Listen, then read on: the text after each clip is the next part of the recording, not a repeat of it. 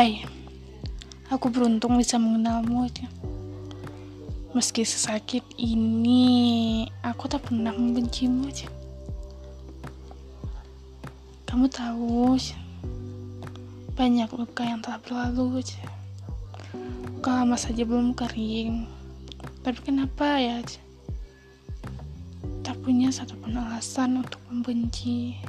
Sekarang, kamu bahagia ya dengan orang yang kamu pilih. Aku akan pergi mencari kebahagiaanku tanpa melupakanmu.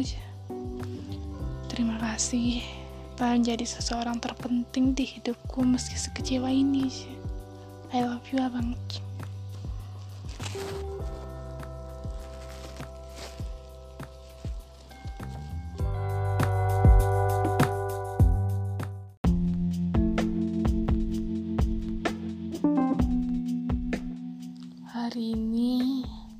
Hai, hatiku hancur lagi.